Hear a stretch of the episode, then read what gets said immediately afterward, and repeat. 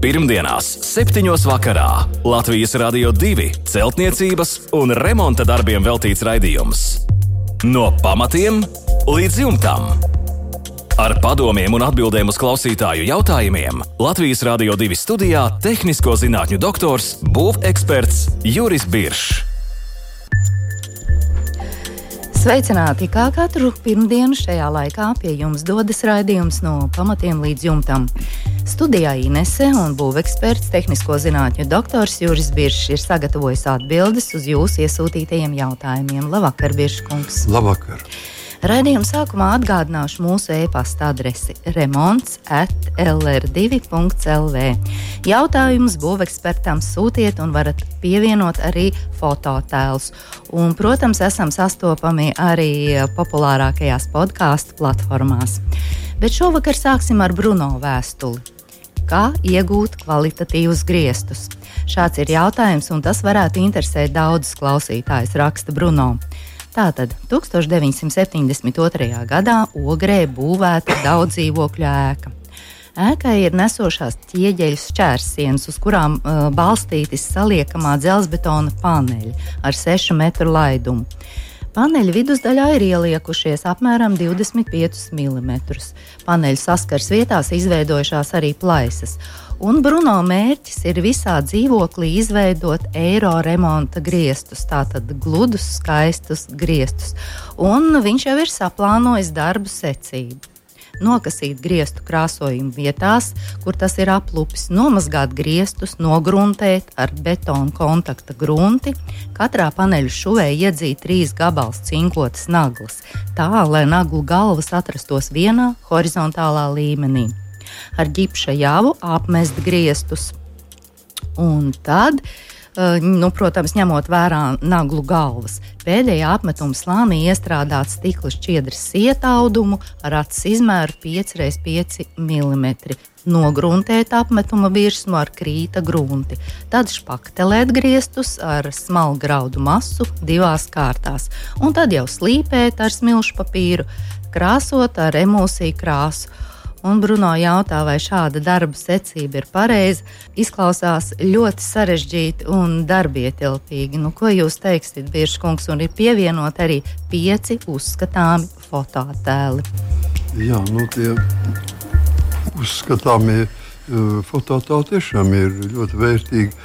Un es, es saprotu, ka šādi jautājumi varētu daudz interesēt. Redziet, tajos vienā no zīmēm ir uzrādīts, ka telpas augstums nu, starp griestiem un starp grīdi ir 2,5 metri tikai. Zemi griezti. Tie ir ļoti zemi, tie saucamie Hruščova laika griezti. Ļoti zemi, un tātad ieteikt kaut ko prātīgāk, tas, ko viņi iesaka Brunai, tiešām ļoti darbietilpīgs un ļoti diezgan padārgs. Es teiktu, ka pat uh, profesionāli izpildāms darbs. Tikai tāpēc, ka katrs cilvēks nevar uh, spaktelēt, nu vēl varētu, bet izlīdzināt un, un apmest vienādā līmenī. Griezts ir augsts klases apmetēja darbs, un izlīdzināt grieztus tie tiešām to var atļauties tikai profesionāļi. Tāpēc tas viss, ko iecerējis, ir runājot diezgan problemātiski. Es iesāksim varbūt no paša sākuma. Pirmkārt, ja 25 mm ieliekums 6 metru panelī, nu, es nezinu, tie kaut kādi, jā, es saprotu, 72. gads Krievijas. Nu, tas ir savienības laiku produkts. Un, un sazinu, kā tur bija ar to stiegrojumu, bet tas iepriekš saspriegtais, vai ir uh, kaut ko zaudējis. Nu, katrā gadījumā diezgan problemātiski. Nevajadzētu būt tik lielam. Uh, drošības pēc varētu pārbaudīt, vai visā mājā ir mhm. tāds. Ja tas ir tikai dažiem dzīvokļiem, bet visā mājā tiešām ir tāds, nu, tad uh, varbūt der pat apskatīties un iztaisīt kaut kādu pārbaudi kā, kāpēc viņš ir tik šausmīgi ieliecies. Īstenībā jau tik daudz nevajadzētu būt. Un tālāk, kas man nepatīk galīgi, un ko es gribētu Bruno brīdināt, jo Bruno ir nolēmis to nu, visu tas eh, notīrīšanas, tīrīšanas lietas, tas viss ir pareizi, tas ir jādara, un gruntēšana arī jādara, bet tālāk ir pieņemts lēmums darboties ar ģipša jaubu. Nu, tas man dara uzmanīgu. Ja? Jums jāsaprot, ka ģipša jauba ir domāta telpām, kurās nedrīkst pārsniegt mitrums nu, 70% reāli teiksim, nu, tāds reāls, iekšā, kas var nu, jebkurā telpā, teiksim, jebkuros ap, laika apstākļos, var gadīties arī augstāks. Kas draud ar to? Par cik vēl būs milzīgi biezas kārtas, tas ģipšs apmetums. Tātad, ja mēs pieņemsim, ka apakšā ir tikai 2,5 cm, un tad nu, tur jau iznāk pār pa 3 cm ģipša jau slāņi, kā tāds pamatīgs svars tiks piekārts, viņi atkritīs vienkārši. Vienkārši atkritīs, un, ja nav domāts augšējais tīkliņš, neko sakot, neglābs šajā gadījumā. Tas ir tikai priekš tā, lai plaisas neveidotos, un, un tas arī viss ir rukumplais, bet sasaiste ar mm, dzelbetona paneli Īpaši, ja vēl teiksim, nu, tas panels Savienības laikos tika veidots attiecīgos ar, ar, nu, ar smērvielu, ja šī smērviela iesukusies betona, praktiski nepiepildāms darbs. Bet, jebkurā gadījumā, es atteiktu, palūgtu, lai atsakāmies no šīm ģipša javām. Ir pietiekoši daudz šodien būvmateriālu veikalos kuri dos mums iespēju arī strādāt uz cementa bāzes, tomēr veidotiem apmetumu slāņiem. Un, uh, es domāju, ka šeit arī nezinu, vai tur nu, praktiski jau, godīgi sakot, šeit jau izskatās pēc tā, ka vispār visa virsma ir jāapstrādā, jātīra, jāuzvelk. Ir, nu, teiksim, drāšu, nu, tēraudas stiegrojums. Stiegrojums, nu, ne tāds stiegrojums kā stieņi, bet kā, diezgan kā smalks. Nu, Teiksim, nerūsošā tērauda stiegrojums ir tāds divu ar pus centimetru reizes pusotra centimetra ar tādām atstiņām nerūsošais tērauds un tad, uzstādot uh, šajās starpēs, starp šuvēs, starp betonu, uzstādot attiecīgus ankurus, mēs varam, varam izlīdzināt un dabūt, nu, izvilkt taisnas. Mm -hmm. Tas, protams, ir diezgan akli jā, jāmāk to lietu darīt, bet to varētu izdarīt. Un pēc tam apmet lūk, šajā jau, kas ir nostiprināts šajā situācijā, tad nekāds, nekāds nepatikšanas nedraudēt. Bet, jebkurā gadījumā, šo sietu jāizstiprina uz cementa bāzes veidotiem apmetumu kārtām. Mm. Un tad pašā beigās, ja viņš šausmīgi grib, tad var tos izmantot uz, uz ģipša bāzes, veidots. Varbūt tas, nu, bet labāk tomēr palikt pie, uh -huh. pie cementa. Jā, un Bruno arī raksta, ka katrā paneļa šuvē iedzīt trīs mm, cinkotas nu, naglas. Tas ir diezgan tāds, kā saka, mūsu laikos tā nestrādā, un, un tas ir diezgan pagrot. Tas ir markas, ko taisa, un to var panākt arī savādāk. Es teiktu, ka šeit varbūt ir, nu, ja visai mājai, tad ir vērts ņemt profesionāļus palīgā, kas var to lietu izdarīt. Tas vienkārši tikai viņiem jāizsaka ne ar ģipšu jābu. Jo mazums kāds mitrums var gadīties un vienkārši atkritīs. Nu. Nu jā, tas arī būtu bīstami. Tas kārtās, ir ļoti bīstami. Rīgā vairākās, Rīgā vairākās ēkās tā ir noticis. Sevišķi tad, kad mums bija milzīga krīze un kad visas viesnīcas stāvēja un, un neveidināja savus telpas. Pēc tam, kad sāk, sāk nākt cilvēki, tad radās arī letāli gadījumi. Pat var, tas ir diezgan bīstami.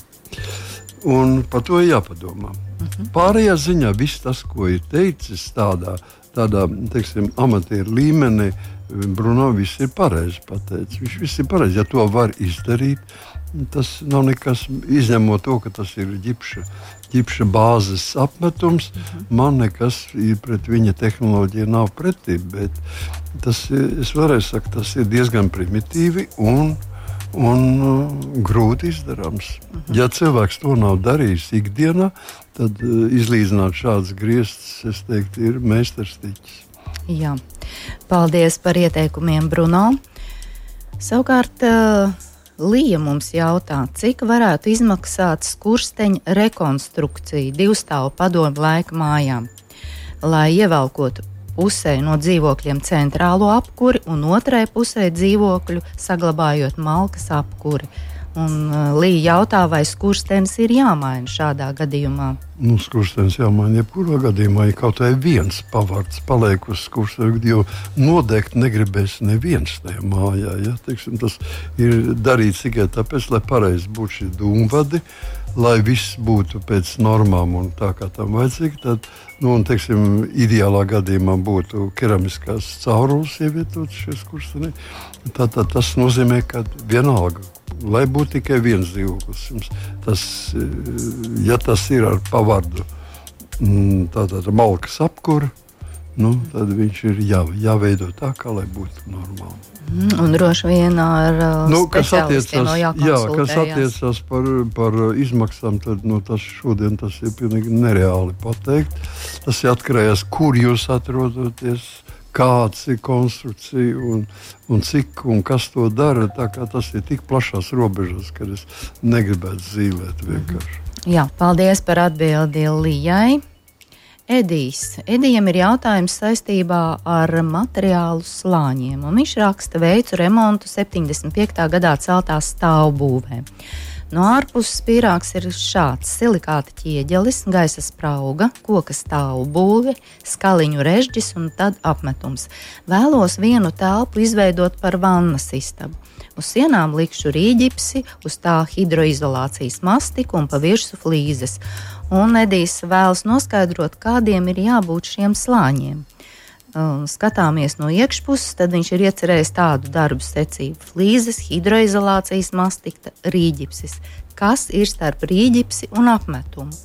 Un siltināt Edijs nevēlas māju no iekšpuses, nākotnē paredzēts no ārpuses kaut ko darīt. Šāds ir pirmais jautājums. Nu, sāksim uzreiz. Uh, Ediju mazliet apbēdināt. Nekādas siltināšanas no ārpuses nav iespējams, tāpēc, ka jums ir gaisa sprauga. Ja ir gaisa spraukta, siltināt no ārpuses, jūs eh, jebkurš siltinājums, ga, gaisa sprauga ir tukša. Viņi ir vai nu ventilējami, vai neventilējami. Absolūti vienalga kādā gadījumā. Ja jūs siltināsiet no ārpuses, jūs siltināsiet Rīgas staciju vairāk kā savu dzīvokli. Tātad vai nu jūs aizpildat šo gaisa spraugu un tad siltiniet no ārpuses, tad tas ir iespējams. Tā kā jums paliek tikai viens siltināt no iekšpuses. Kas attiecas par iekšpusi, tad uh, gribu vēlreiz Edijam aizrādīt to, ka hidroizolācija mastika neko neglābj. Ja? Un šī siena ir mm, tā šī konstrukcija, ko esat iecerējis, diemžēl nu, stāvbūvī sapūdēs tajā vietā, kur būs mitrums. Būs jā, tur nāks un nepārtraukts mitrums no vannas istabas. Un šīs, eh, tā sakot, eh, ja, tā, ja vēl teiksim, tās gaisa sprauga strādātu un, un visus mitrumus aizsūknētu prom, tad vēl varētu pieļaut. Bet par cik es domāju, ka tur nav nekāds vienkārši gaisa sprauga, kurās sakrāsies milzīgs daudzums ūdens, kas rasos tur un pūdēs koka stāvbūvi. Tātad, lai iziet no situācijas, izēja ir ļoti vienkārši. Mēs ļoti daudz reizes esam par to runājuši, šoreiz vēlreiz atkārtoju. Lai jūs kaut ko iekādā no, no šāda, šādas sienas, pret šādu sienu, kas ir ārsiena, jūs veidotu vansistabu, jums ir jāatstāj, jāatkāpjas no šīs sienas par vismaz 5 centimetriem, es ieteiktu pat vairāk, un jātaisa augšā siena vienkārši nu, teiksim, uz, uz režģa. Jā, nu, vienkārši uz uh, ģipškartona mm, šiem viegliem metāla profiliem uztaisīt sienu, kas, at, kas ir apmēram 5 cm nost no esošās sienas. Šajā starpā tātad jūs uzliekat šādu sieniņu, viņa sastāv tikai no šiem profiliem un tikai apšūta ar mitrumizturīgo riģips, uz kuru jūs varat flīzēt virsū un iekšpuses būs skaisti, viss kā kārtībā, bet nekāds ir. Aiz muguras nav. Viss mitrums ies cauri, cauri, cauri šūvi vietām, augšpusē apakšpusē šai sieniņai un iekļūst tajās pa gaisa spraugā. Šajā gaisa spraugā tādu pašu mēs veidojam uz ārsienu, un tādu pašu mēs veidojam uz augšu, uz griestiem.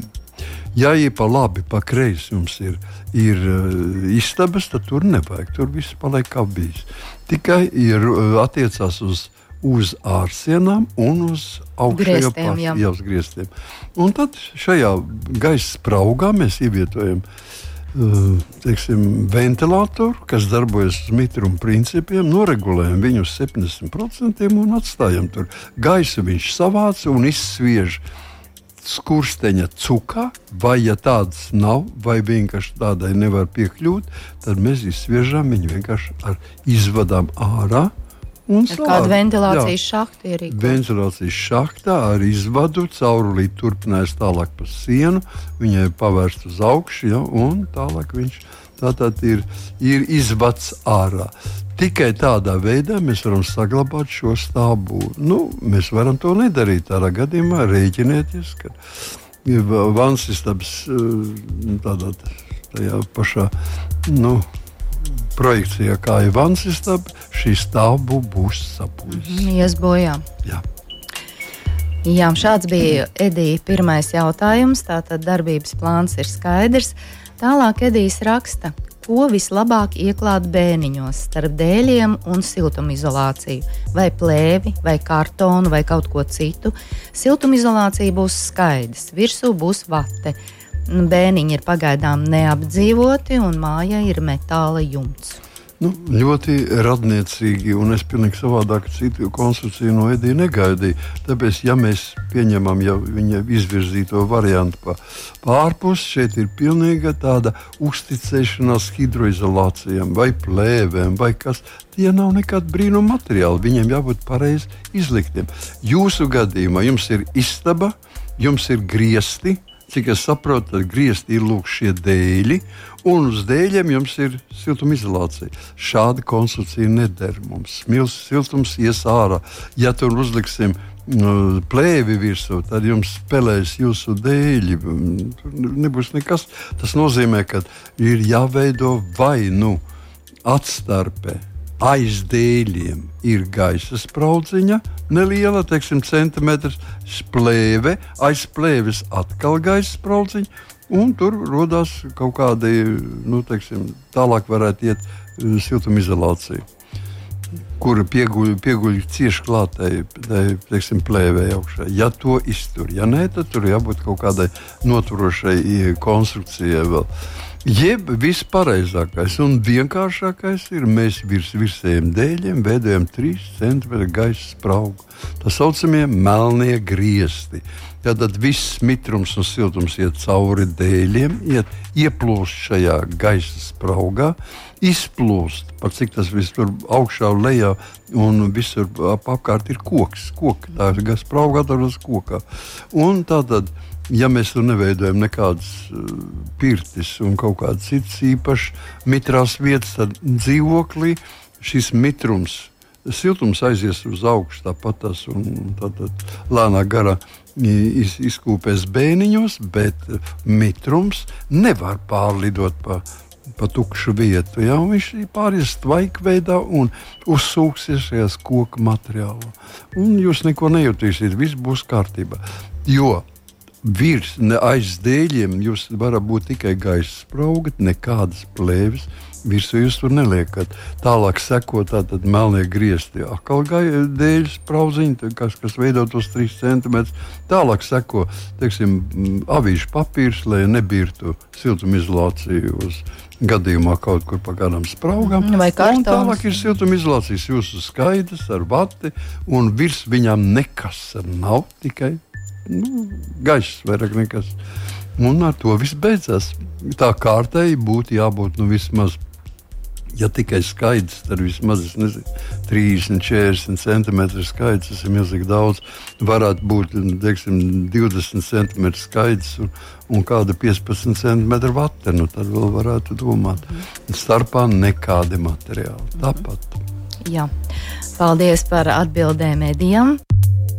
Pirmdienās, 7. vakarā Latvijas Rādio 2 celtniecības un remonta darbiem veltīts raidījums.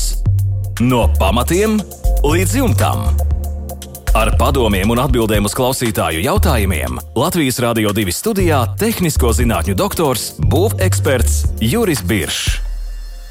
Turpinām ar Māra vēstuli. Mārim ir jaunbūve, un viņš jautā, Vai tiešām mūrējot mūri ar 500 mm platiem gāzbetona blokiem var iztikt bez papildus siltināšanas? Konsultējos ar savu mājas projektētāju. Viņš neatbalsta ideju, ka varētu nesiltināt. Savukārt pazīstams celtnieks tieši iesaka mūrēt ar biezajiem blokiem un nesiltināt. Kāds būtu jūsu viedoklis, Biržkungs, šajā jautājumā? jā, tas ir tā tipiski, jā, jo droši paliek nedroši. Projektētājs saka, un viņš pareizi pareiz jūt, ka tur būs kaut kas apslēpts. Intuitīvi bet, jā, jūt. bet būvniekam viņam vajag pēc iespējas ātrāk. Viņš ir lieliski sajūsmā, ka nevajag. Un tad pateiksim taisnību, kā tas ir. Nu, e, konkrēti runājot, man ir jāatzīst, ka 500 mm mm, plati gāzbetona bloki. Tā kā pietiekami. Jā, ir pietiekami. Ir pietiekami. Man gāja personīgi, man eh, savā laikā žurnālā māja dzīvoklis gāja ļoti, ļoti liela polemika ar aeroku vadību, un eh, es uzstājos toreiz, un toreiz runa bija par 350 mm, kurus aeroks gribēja ieteikt visai Latvijai būvēt bez bez siltuma, siltuma, bez siltināšanas. Tā kā pamazs bišķiņi. Droši vien pamazs, ne tikai droši vien, tur ir ļoti daudz. Redziet, un taisnība varbūt saskarās ar iepriekš izteikto tādu. Viss atkarīgs no klimatiskiem apstākļiem. Kur tad Igaunija atrodas? Dažus simtus kilometrus tikai tālāk pa mums, ja, nu tepat blakus. Bet viņiem vidējais gaisa mitrums nav 90. Tas ir, nu, jā, vidējais gaisa kritums nav 80 vai 90. Tas ir 80% tā kā pie mums vidējais, kas ir. Tur ir mazāks tas mitrums. Un ar to pietiek, lai teiksim, divu gadu laikā mēs varētu iegūt gāzbetonu mitrumu, absolūto mitrumu ēkā varētu iegūt kaut kur 5-6%. Lieta tā ne, nu, tādā, tādā līmenī pie mums, pie vislabākajiem apstākļiem. Kāds tikai jūs varat iedomāties, mēs mazāk par astoņiem nevaram dabūt. Mēs vienkārši nevaram mūsu apstākļos, mēs nevaram dabūt. Un līdz ar to mums ir tas, tas, eh, tas ja 350 igauniem var būt kaut kādos apstākļos, kaut ko es apšaubu, to var, varētu iztikt bez siltināšanas pie mums, tas ir pilnīgs nonsens. Tātad 450, 500. Es piekrītu, ka tos var bez apsiltinājuma. Tikai jāsaprot, ka mums būs jebkurš siltinājums, pātrinā mitruma izsūkšana no gāzbetona. Gāzbetons uzsūc tikai mitrumu. Viņš ļoti slikti atdod viņu. Ļoti slikti atdod. Un, teiksim, ja mēs mūsu laikos tagad ir ļoti modē, ir mitruma nosūcēji, ja mēs taisām gāzbetona sienas un pēc tam nedēļām ilgi viņas at, no, atņemam no viņām ūdeni. Ja mēs to nedarītu, mums būtu jāgaida četri gadi, kamēr izžūst gāzbetons. Tieksim, slapjš panelis. Galbetona bloks iemūrēts sienā, žūst četrus gadus. Neticami, bet tiešām tā ir. Šodien ar papildus žāvēšanām, ar mitrumu nosūcējiem mēs mēģinām šo procesu pātrināt tikai. Ja mēs uzliekam kaut kādu nelielu, teiksim, 5 cm siltumizolācijas kārtu uz gāzbetona, viņa palīdz. Viņi kā uzsūc šo mitrumu, cīnās un atdod to mitrumu. Tas ir pierādīts, jau laboratorija pierādījusi, ka šis šādā siltinātais labāk žūst un labāk atdod, atdod to lieko mitrumu. Tas ir katrs liekais mitrums ir siltum, tas ir nu, siltumizolācija vienkārši zelta svarā. Ja? Mhm. Tāpēc uh, tālāk mums ir jāskatās, vai mums ir arī arī vertikālās šūnas. Mēs jau varam salikt blokus kopā. Horizontālās mēs veidojam kā mūrējam, vertikālās šūnas mēs vispār nemaz nelienam ciet. Viņš aiziet it kā sali, zināmā sazobē, un mēs sakam, nevajag. Nu, tad mēs laižam augstumu iekšā. Tātad, ja mums ir vertikālā un horizontālā līmkārta, šeit neiet runa par mūrēšanu, te ir jālīmē viņas. Un tad mēs varam no 450 līdz 500 mm, ja varam iztikt bez siltinājuma. Es gan ieteiktu, gan no iekšpuses, gan no ārpuses mm, galbetonu apmest. Noteikti apmest. Tāds pats palikt viņš nedrīkst. Vai apšūt ar zināmiem materiāliem. Bet tomēr ar šo 5 cm nu, siltinājumu kārtiņu būtu teiktu, labāk. Jā, nu, pirmkārt jau 500 mm stāties pie šī, ko tas nozīmē uh, būvētājiem Latvijā. Mēs esam pieraduši, ka mēs ņemam tādu bloku, kas cik viņš plats ir, tik mēs plats taisām pamats. Nu, ko tad taisīsim pusmetru pamatu platums, kad īstenībā pietiek jau ar, teiksim, viena, diviem stāviem, mums pietiek, īstenībā teorētiski pietiek tad 10 centimetriem. Nu, tur nevaram uzmūrēt virsmu, tad nu, mēs liekam 20, no 30 maksimums.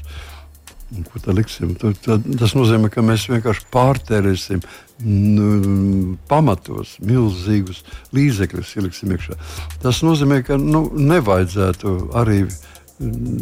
Labāk būtu, manā skatījumā, 350, 400 mm gābetona bloks un ar nelielu siltinājumu. Tas labāk uh, veidos izskatu, tas labāk dos arī aptari ārējo un nu, tas daudz, daudz priekšrocības dos. Tas ir labāk nekā 500 nesiltināts. Mm -hmm. Jā, paldies, Biržkungs, par izsmeļošu atbildi Mārim.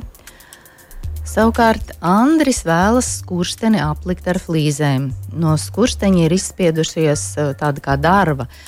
Skursteni viņš apstrādātu ar hidroizolāciju un tad pa virsmu kā četri tāda elastīga flīžu līme un flīzes vai šāda apstrāde būtu pietiekami laba un atrisinātu šo problēmu. Un Andris ir pievienojis arī šos izsvīdumu vienu fototēlu, kā tas izskatās. Viss. Jā, nu, es teiktu tā, ka man ir jā, jāsarūkt ir Andris, jo tas ir slikti, kad, teiksim, dūmeņi vai skursteņi svīst. Ja? Tas ir tipisks gadījums, kad mums svīst skurstenis un viņš, šī darba iet cauri visam. Visiem, kuriem mums zināmiem būvmateriāliem, viņi iet cauri.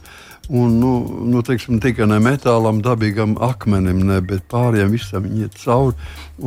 Viņa rada ne tikai ļoti nesmukus teiksim, vizuālo skatījumu, ļoti nesmuku, bet arī smirt, teiksim, mhm. smako, smako. Un nepatīkami šī smaka ir. Un tāpēc šeit būtu jādara sekojuši. Vispareizākais gājiens ir nevis domāt par flīzēšanu, bet domāt par to, kā nomainīt skursteni, dūmvadu pret keramisku cauruli. Mm -hmm. Keramiskā caurule neiet cauri, tad apdedzinātā keramiskā caurulē šī darba cauri netiek. Mums, mēs, tas nozīmē, ka jebkura mm, svīstošs skurstenis, jebkurš, jebkurā brīdī var aizdegties. Un viņš, nu, tas ir par iemeslu, lai nodegtu visu māju. Tāpēc tas tā ir ļoti nopietna lieta. Un, ja viņš, bet, nu, teiksim, ir ielikt iekšā keramiskā caurule, iekšā, viss ir kārtībā, bet viss tas kurstenis ir pievilcies ar to darbu. Ko darīt mums? Ar hidroizolāciju neiznāks nekas. Nav tādas hidroizolācijas, kura, kurai cauri neietu šis sastāvs.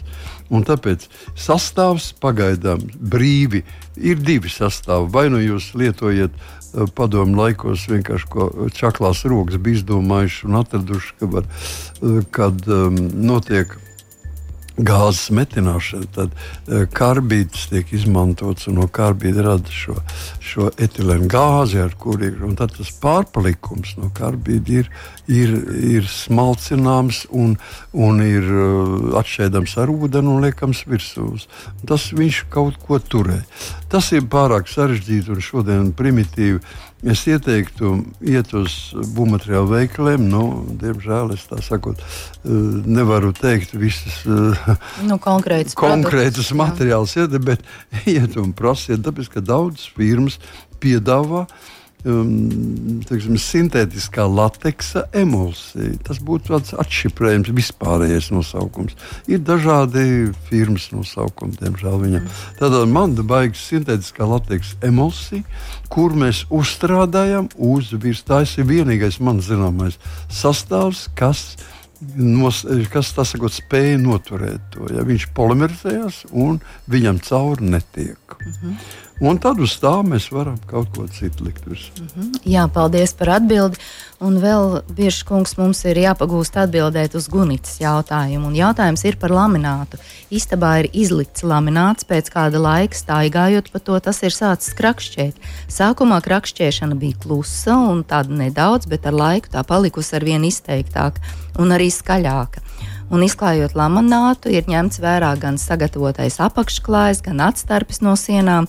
Nu, kāpēc krakšķi vai ir iespējams, ka pats lamināts ir nekvalitatīvs? Nē, nē, nē, to es nepieļauju. Es, mūsdienās tiešām lamināti ir augsts klases lamināti, un, un es neesmu vēl redzējis tādu laminātu, kas krakšķētu tikai pats par sevi, ja mēs uzkāptu uz jebkuru atsevišķu stāvošu laminātu dēļ, viņš sāktu krakšķēt. Es neesmu tādu redzējis. Tas nozīmē, lai, ja, lai krakš, lamināts krakšķēt, ir jābūt kustībai diviem vismaz dēļiem vienam pret otru. Un, ja, e, nevajag būt tik pārliecinātiem. Pirmais, bez šaubām, noņemam grīdas līdzi, paskatāmies, vai attālums ir pusotra, divi centimetri no sienas līdz līdz uh, laminātam. Zem lamināta tātad ir šis attālums, pieņemsim, kad ir zem lamināta. Mums jābūt ir viss atkarīgs, kas ir apakšā. Koks vai betons. Visticamāk, ka teiksim, tas ir betons. Ja tas ir betons, tad mums uz viņa ir jābūt Tātad vai no gofrētām kartonam, vai viļņveidīgam mikroporu, teiksim, kādam siltumizolācijas tipa materiālam, bet katrā gadījumā tādam, kas veido kaut kādas gaisa eņģis. Ja? Un tad tā ir plēve. Jeb arī viņš apvieno abas divas kopā. Nu, un tad, ja tas tā viss ir, tad nevajadzētu krakšķēšanai notikt. Viss nelaime lielākoties ir tas, ka nav šīs uh, gaisa eņģes, ja, un betons dod visu laiku mitrumu. Jebkurā gadījumā, pie jebkuras temperatūras viņš dod mitrumu, ja viņš netiek ārā no lamināta līdz pašai sienai, tad ir slikti jāpārbauda, ir, kāda tiešām ir šī apakšslāņa. Jāpārliecinās. Jā. Jā. Paldies par atbildi Gunitai. Bet, ja šovakar jūs nedzirdējāt atbildi uz tieši jūsu iesūtīto jautājumu, tad tā noteikti būs tuvāko raidījumu laikā. To mēs jums apsolām. Bet jau izskanējušos raidījumus meklējiet mūsu mājaslapā, esam arī populārākajās podkāstu straumēšanas vietnēs, un vēlreiz atgādināšu mūsu e-pasta adresi remonds at lr2.lv. Sūtiet jautājumus, pievienojiet fototēls. Šovakar paldies Biržkungs par darbu, lai mums mierīgs vakars un tiekamies pēc nedēļas. Visu labu! Pirmdienās, 7. vakarā Latvijas Rādio 2 celtniecības un remonta darbiem veltīts raidījums. No pamatiem līdz jumtam. Ar padomiem un atbildēm uz klausītāju jautājumiem Latvijas Rādio 2 studijā - tehnisko zinātņu doktors, būveksperts Juris Biršs.